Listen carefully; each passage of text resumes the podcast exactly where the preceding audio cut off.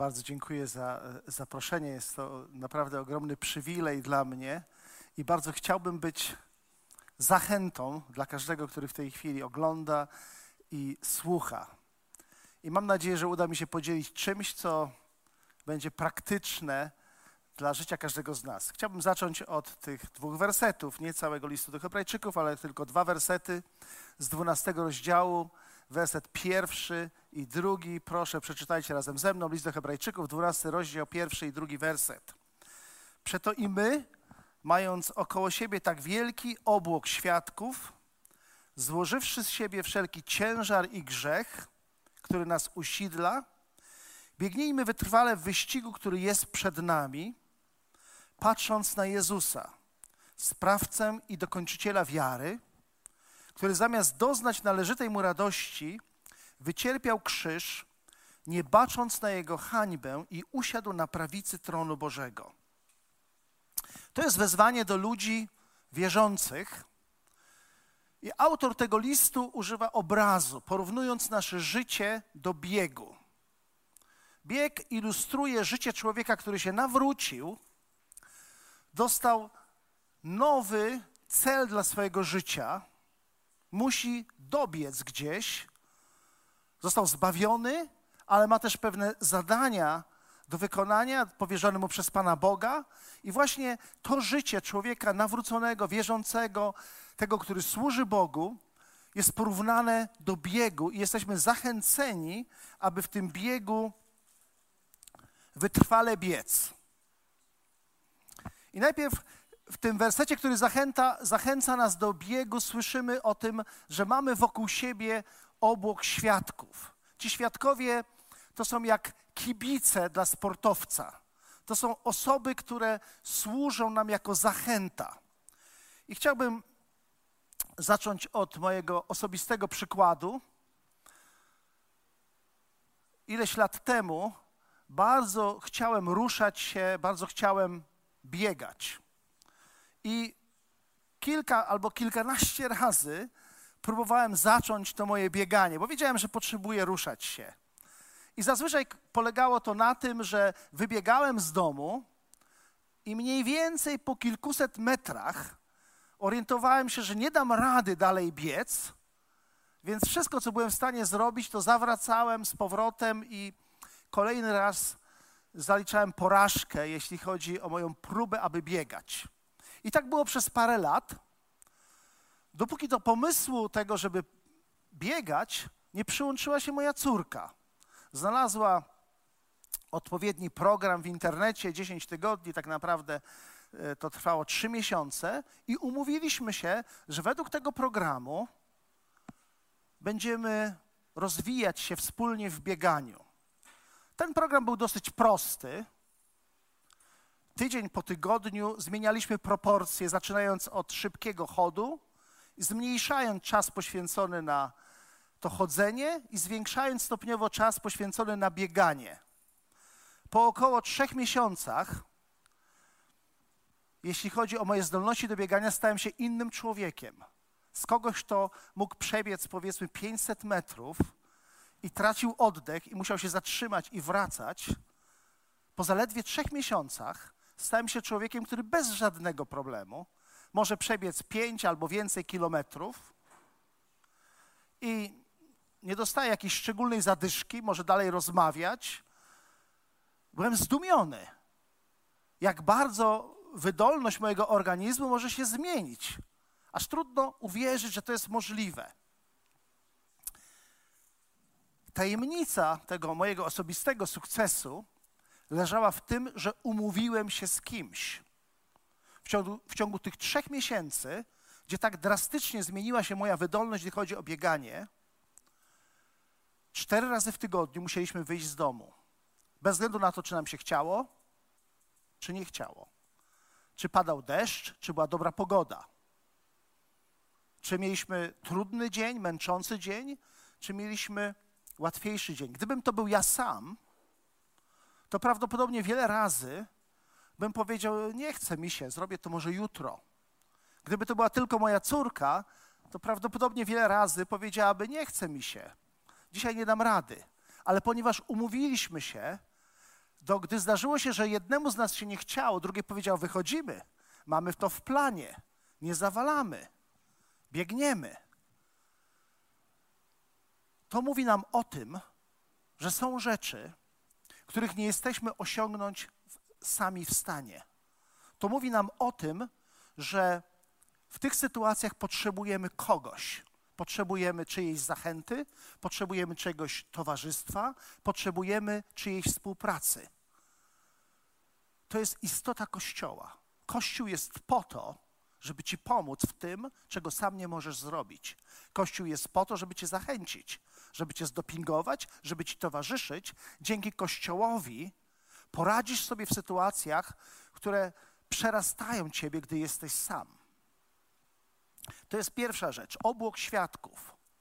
Dobre towarzystwo. Jeżeli możesz wybierać towarzystwo, to wybieraj towarzystwo, które podniesie cię w górę, a nie takie, które cię zdołuje. O tym, z kim się będziesz zadawać, decydujesz sam. Ale kiedy już się z kimś zadajesz, to ta osoba będzie mieć wpływ na Twoje życie.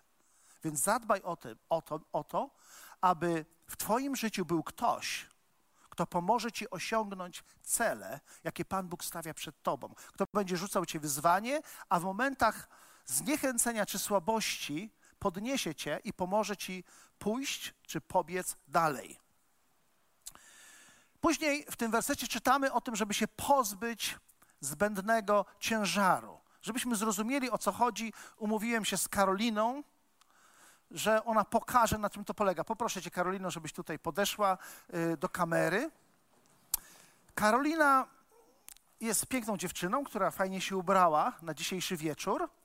Jest też y, sprawna fizycznie i bez żadnego problemu przebiegnie w średnim dystansie bieg masowy na przykład. Bez żadnego problemu mogłaby w takim biegu wziąć udział. I mam pytanie do Karoliny. Karolino, jak myślisz, czy regulamin biegów masowych, takie jakie odbywają się, e, oczywiście nie w czasie kwarantanny, ale będą się odbywać w Warszawie, e, zabrania w taki sposób się ubrać, albo czy zabrania zabrać ze sobą walizkę? Myślę, że nie, ale myślę, że nie pomogłoby mi to w biegu. No właśnie. Sposób. Regulamin nie zabrania, przynajmniej w mojej świadomości nie jest zabronione, żeby być w szpilkach, nie jest zabronione, żeby mieć fajną spódniczkę, czy jakieś super y, ubranie w przypadku mężczyzny, może jakiś dobrze dopasowany garnitur. I nie zabrania, żeby ze sobą ciągnąć walizkę, nawet jeżeli jest mocno zapakowana, ale jakie są szanse, że przebiegniesz do końca? Myślę, że zerowe. Zerowe. Jesteś sprawną osobą, możesz przebiec długi dystans, ale jeżeli zabierzesz ze sobą coś, co jest dla ciebie obciążeniem, może się okazać, że nie dobiegniesz do celu.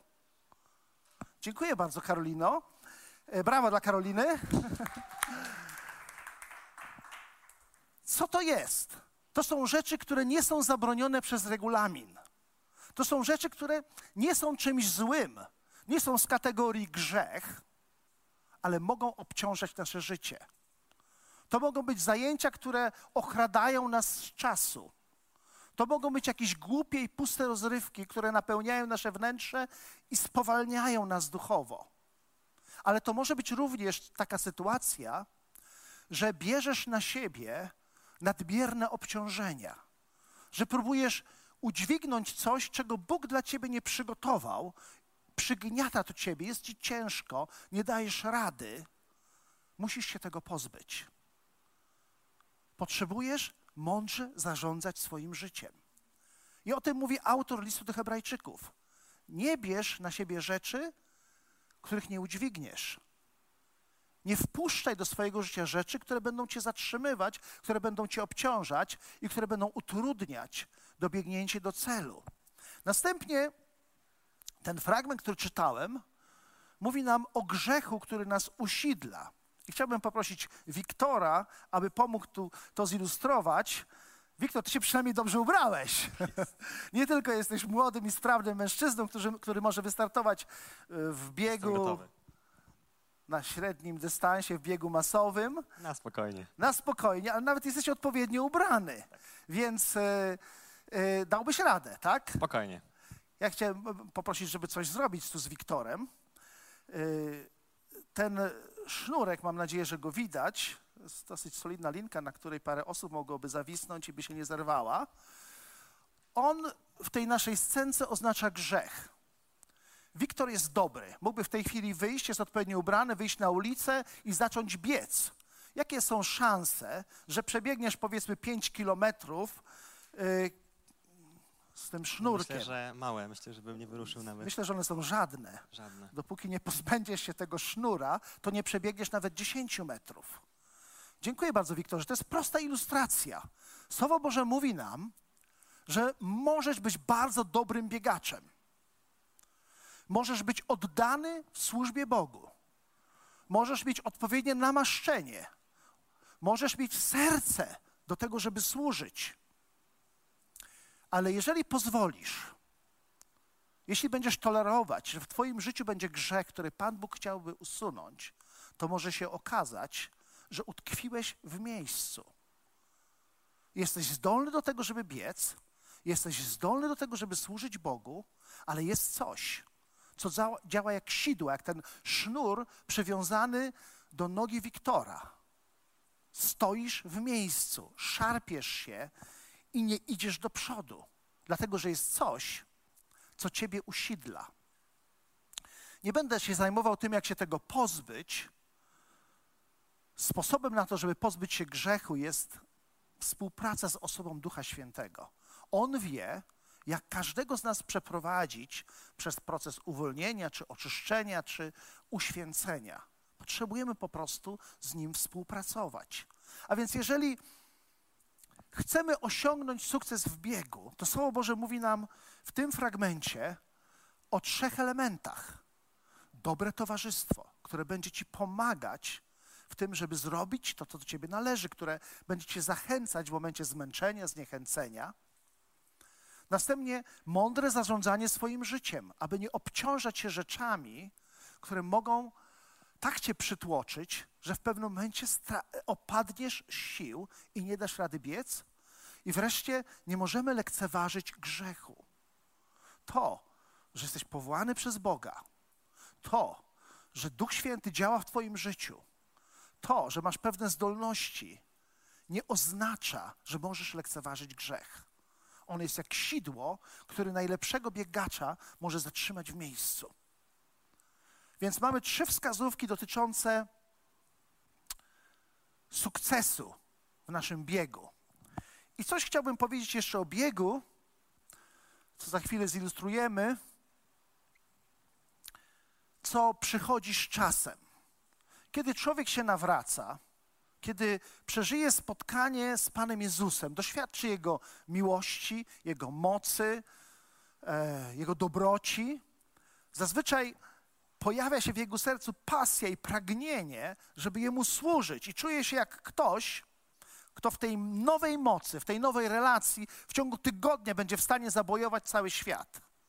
Jeżeli użyjemy tutaj porównania do biegu, to jest to jak ktoś, kto wystartował jak spin, sprinter i biegnie z całej siły, ponieważ ma takie przekonanie, że za chwilę dobiegnie do mety i chce jak najszybciej do tej mety dotrzeć. I to jest charakterystyczne dla kogoś zaraz nawróconego. Właściwie wszyscy. Zaczynamy nasz bieg w tempie sprintera. Zapewne zdajecie sobie sprawę z tego, że jeżeli biegniesz z całej siły, to tej siły starczy ci na kilkaset metrów maksymalnie, na krótki dystans. Później tracisz oddech i nawet najlepszy biegacz musi zwolnić albo nawet zatrzymać się. Gdy upływa czas, zdajemy sobie sprawę z tego, że nie zostaliśmy powołani do tego, żeby bieg, biec w sprincie, że to nie jest bieg na krótkim dystansie. Kiedy upływa jeszcze więcej czasu, to dociera do nas, że tego biegu nie da się ukończyć wcześniej, jak zakończy się nasze życie, że to jest bieg na całe życie, czyli na mniej więcej kilkadziesiąt lat. Nie biegniemy na 100 metrów, nie biegniemy na 200 metrów, nawet nie biegniemy w maratonie. Biegniemy w ultramaratonie, który trwa całe życie. Więc trzeba rozłożyć siły. Nie musisz biec z całej siły. Nie musisz dzisiaj wszystkiego z siebie dawać. Nie musisz być szalony w swoim oddaniu Panu Bogu. Tym bardziej, że nie chodzi tylko o to, aby dobiec do celu.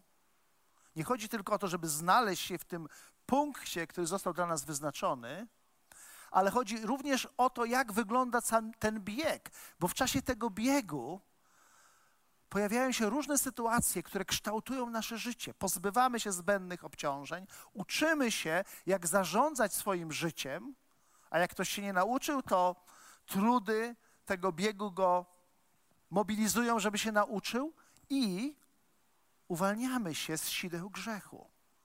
Więc nie chodzi tylko o to, aby dotrzeć do celu, ale chodzi o sam bieg, który jest takim procesem, w którym dzieją się ważne rzeczy. A więc biegniemy w bardzo długim biegu, który jest takim życiowym ultramaratonem, rozłożonym na całe życie. Nie da się szybciej osiągnąć celu. Im dłużej biegniemy w tym ultramaratonie, tym bardziej dociera do nas to, że zadanie, które Pan Bóg nam powierzył, przerasta nasze życie. I tak ma być. Wizje, projekty i zadania, które naprawdę przyszły od Boga, są niemożliwe do wykonania. Niemożliwe do wykonania bez Niego.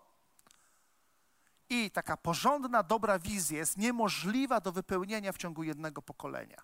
Pan Bóg jest Bogiem wielu pokoleń. On, jak ma projekt, to nie na jedno życie ale na przynajmniej parę pokoleń. Pomyślcie e, o historiach biblijnych. Weźcie takiego Abrahama i przeczytajcie początek Ewangelii Mateusza. Ile pokoleń trzeba było od Abrahama do Chrystusa? A Pan Bóg rozmawiał z Abrahamem i mówił mu, że w tobie będą błogosławione wszystkie plemiona ziemi. On miał plan na kilkadziesiąt pokoleń. I te pokolenia sobie przekazywały odpowiedzialność. Weźcie Mojżesza, który dostał zadanie, żeby wprowadzić cały naród do nowej ziemi.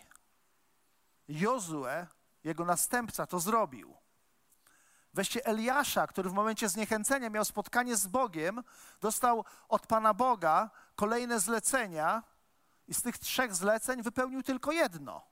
Namaścił Elizeusza.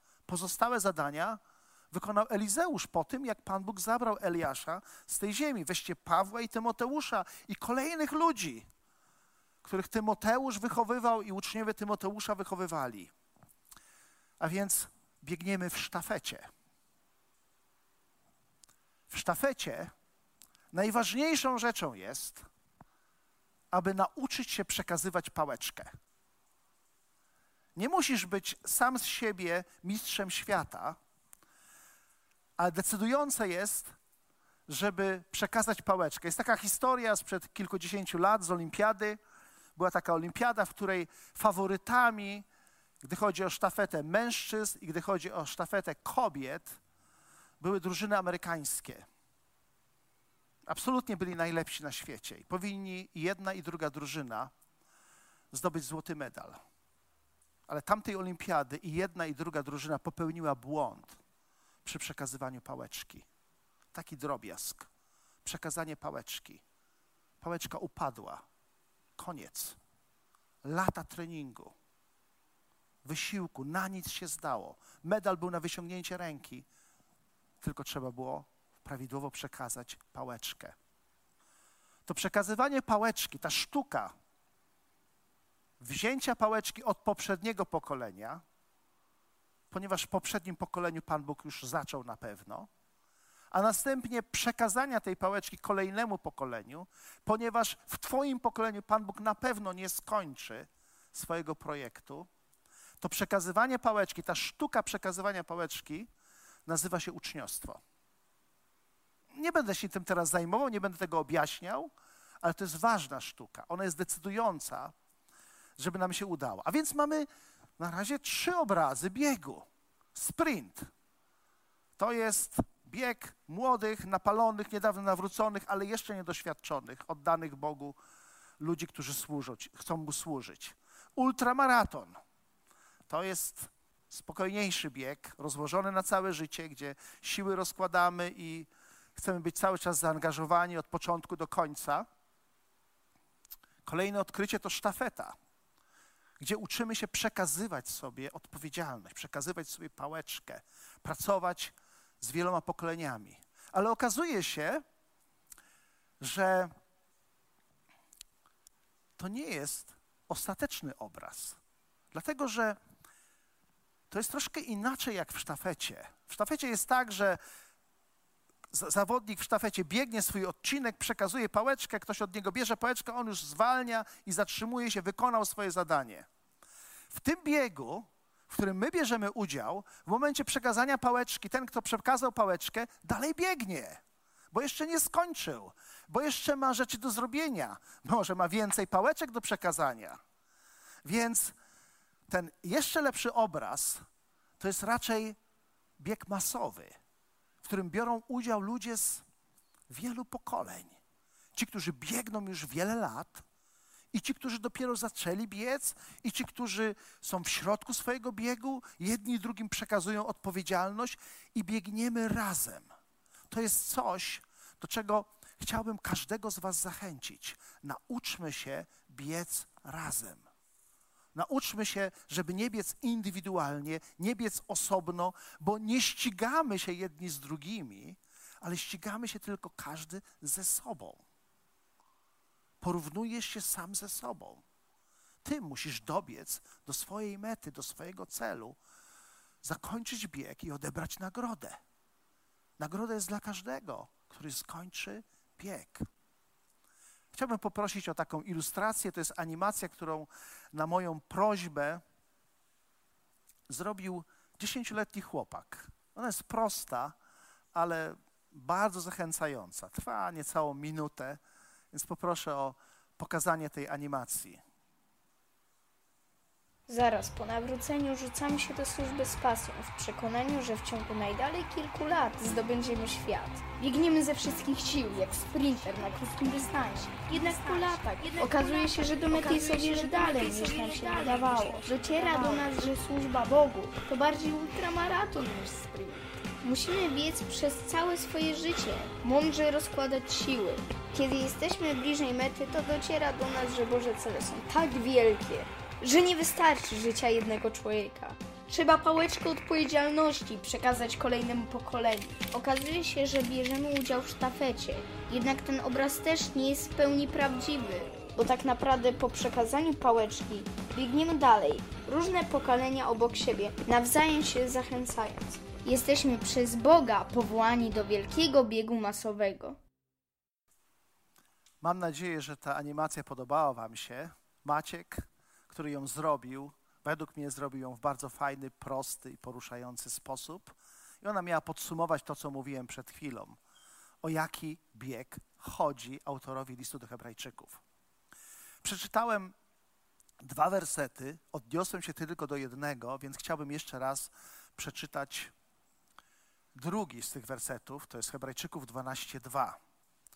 Czytamy tam, patrząc na Jezusa, sprawcę i dokończyciela wiary, który zamiast doznać należytej mu radości, wycierpiał krzyż, nie bacząc na jego hańbę i usiadł na prawicy tronu Bożego. To było w tłumaczeniu Biblii Warszawskiej. Przeczytam ten sam werset w tłumaczeniu Nowego Przymierza. Utkwijmy wzrok w Jezusie, w tym, który wzbudza i doskonali wiarę, i który ze względu na czekającą go radość wycierpiał krzyż, nie zważając na hańbę, i zajął miejsce po prawej stronie Boga.